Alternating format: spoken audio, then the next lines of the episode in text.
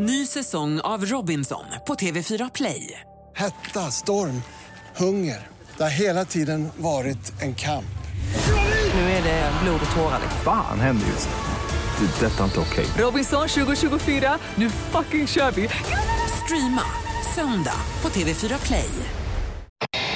För cirka två år sedan så pågick det en eh, sms-trafik mellan Linda och hennes man Thomas. Han skrev så här att han hade hittat en eh, eh kanot på nätet som han ville köpa i och med att ni har ett sommarställe. Mm. Mm, I Sälen. Och då svarade du honom när han sa, vad tror du om den här? Vi ska inte ha någon jävla kanot. Nej. Och samma eh, dag så inhandlade han den här kanoten, för han lyssnar ju aldrig på dig Nej, Linda. han bryr sig inte. Nej. Och nu har vi varit ute den här sommaren.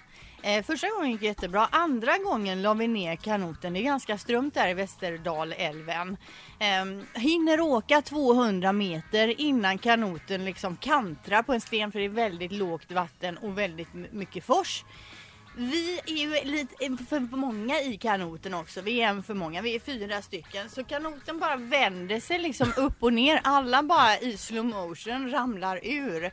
Varpå jag och min man, vi har ju alltså sen självuppblåsbara eh, flytvästar som liksom sprängs och blås, blåser upp du vet och de blir ju så jävla stora. Vattnet är ju typ en decimeter högt. Men, men väldigt strömt. Så jag ska säga att det var ändå jädrigt dramatiskt för min lilla tjej då Elvira, hon är ju sex år. Jag fick ändå släpa henne för annars hade hon åkt med och min son han drog ju iväg med strömmen där va. Men min man han, saml- han försökte inte få tag på ungarna utan alla grejer som ramlade ut. Ja. Så till slut fick jag ropa på honom. Men herregud! Han ligger ju där borta! Du får ju hämta honom då Ja, liksom. men om det är en decimeter högt och stannar Ja, men just där ja. Men sen bl- gled de ju med. Men, Men det hur blev mycket, jag men vänta, alltså hur mycket, du säger alla grejer? Ja, nästa gång vi paddlar kanot, om vi någonsin gör det igen, tänker vi inte ha med några grejer. Inte För vi, laptop, Vi inte- blir alltså av bland annat då med tre stycken vänstertofflor. Nyinköpta, Mm. fina sådana här dyra tofflor. Och så Elviras fina keps och det var några, tre, två stycken paddlar så vi hade bara en paddel kvar. Eh, termos med kaffe och de här, jag hade ju lockat barnen, de ville ju inte ens följa med. Men att jag har köpt så goda donuts som vi kan då fika med. De låg ju liksom och flöt i, i den här lilla väskan. Men vilket trauma! Jättetrauma.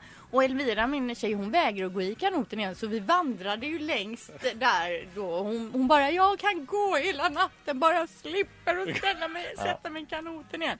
Till slut får jag i henne kanoten. Vi paddlar till något jädra naturreservat. Där säger alla utan Thomas, min man då. Nu vill inte vi paddla mer, vi går upp här. Han blir skitsur för att han får paddla vidare själv.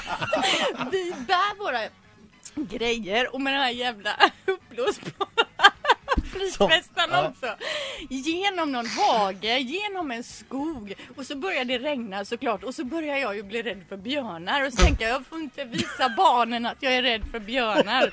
Eh, till slut kommer vi ut på någon väg och kan bli upphämtade där då. Och min man fick paddla själv med en kanot som liksom var ju, stod ju en meter ovanför vattenytan fram eftersom han sagt bak då.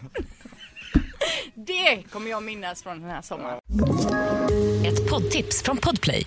I podden Något Kaiko garanterar östgötarna Brutti och jag, Davva, dig en stor dos skratt.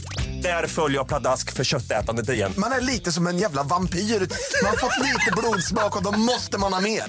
Udda spaningar, fängslande anekdoter och en och annan arg rant. Jag måste ha mitt kaffe på morgonen för annars är jag ingen trevlig människa. Då är du ingen trevlig människa, punkt. Något kajko, hör du på Podplay. Därför är gardinerna.